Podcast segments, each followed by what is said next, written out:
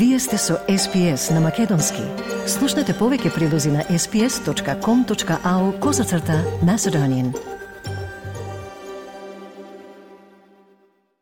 Различните културни влијанија низ вековите во различни историски епохи биле примани во македонските народни носии, преработувани со творештвото на народното сознание и прилагодени на народниот бит и начин на живот, развиени и усовршени со народните естетски свајкања. Па така, Кумановската невестинска носија не само што се одликува со уникатен вес, од неа е дел и кошула со која на жената во минатото не и било дозволено да влегува во црква. За другите особености на Кумановската, но и кривопаланечката носија, разговараме со етнологот магистар Наде Костадиновска Спасиновска во серијалот Македонски везови на SBS радио. Јас сум Маја Далевска.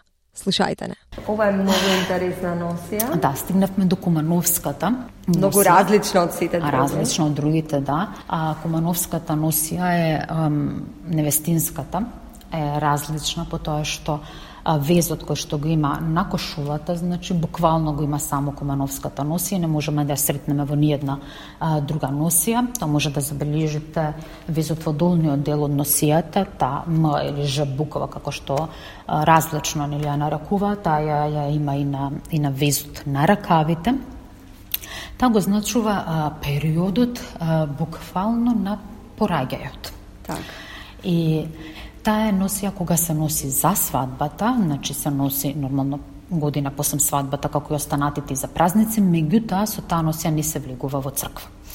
Затоа што сепак колку и да било го сметаме за Божја дарба нели ете и, и, и природа на жената сепак тој период во минатото бил поскришен за разлика посрамен за разлика од што е денес застапена исто црква. Значи во за црква облекувале друга носија, така? Друга кошул, кошулата. Така. А, застапена е црвената и црната а, нијанса на, на везот на, на кошулата и на скута, скутината.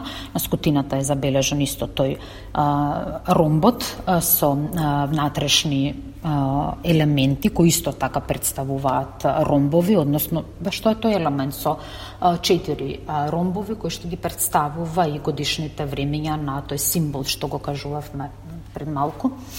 Наградите носат триаголници. Триаголници. Овој накид се нарекува панцир, го имаме и во Гевгелиско Титовско, затоа што така баш личи коршу, коршуми. баш личи на тоа со триаголниците, со црвената боја на триаголниците. Горниот дел кој што на вистина импозантен се нарекува да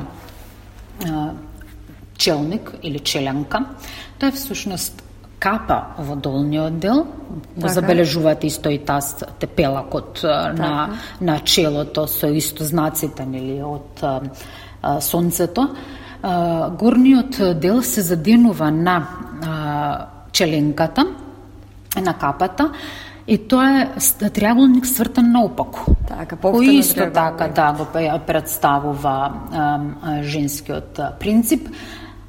Украсана е со монистра, трепетушки, парички, пердуви. Пердуви, пердувите исто така го символизирале нели убавината од притежно се се зимало пауновото, нели перо, а, како паунот еден или раскошен, доминантен, а, дом, со најубави перде. Е, така. Да. А меѓутоа подоцна нели се импровизирало колку не може да се најде сето тоа, меѓутоа сепак значењето било е, исто да истакне убавината на жената, меѓутоа и да ја а, зачува. Тие трпетушките што ги гледаме висулките нели надоле, сето тоа се а, кога се движи невестата дава одредени а, звуци. звуци. Е така и и затоа си тие низи со паричките, значи сите тие тропкаат меѓу себе.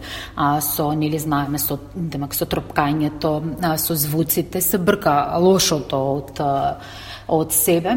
И тоа е таа една символика кај невестата, исто има над ракавчиња. богато украсени. Дозора, богато да. е украсена. Сигурно звуци прави и панцирот, да, бидејќи да, да, многу тие, богат со парички. Целите гради се сретнете, символиката е тоа, значи со се за заштита. Значи, значи овие овие биле карактеристични елементи на Кумановска, во сите Кумановски невестици. Овдека е средорек Кумановско, таа е некаде на граница Кумановско-Кривопаланечко, меѓутоа, да, карактеристична за кумановската носија, се разбира нели за постарите, подоцна сето тоа е намалено и од главата и везот, А што е карактеристично за машката кумановска носија?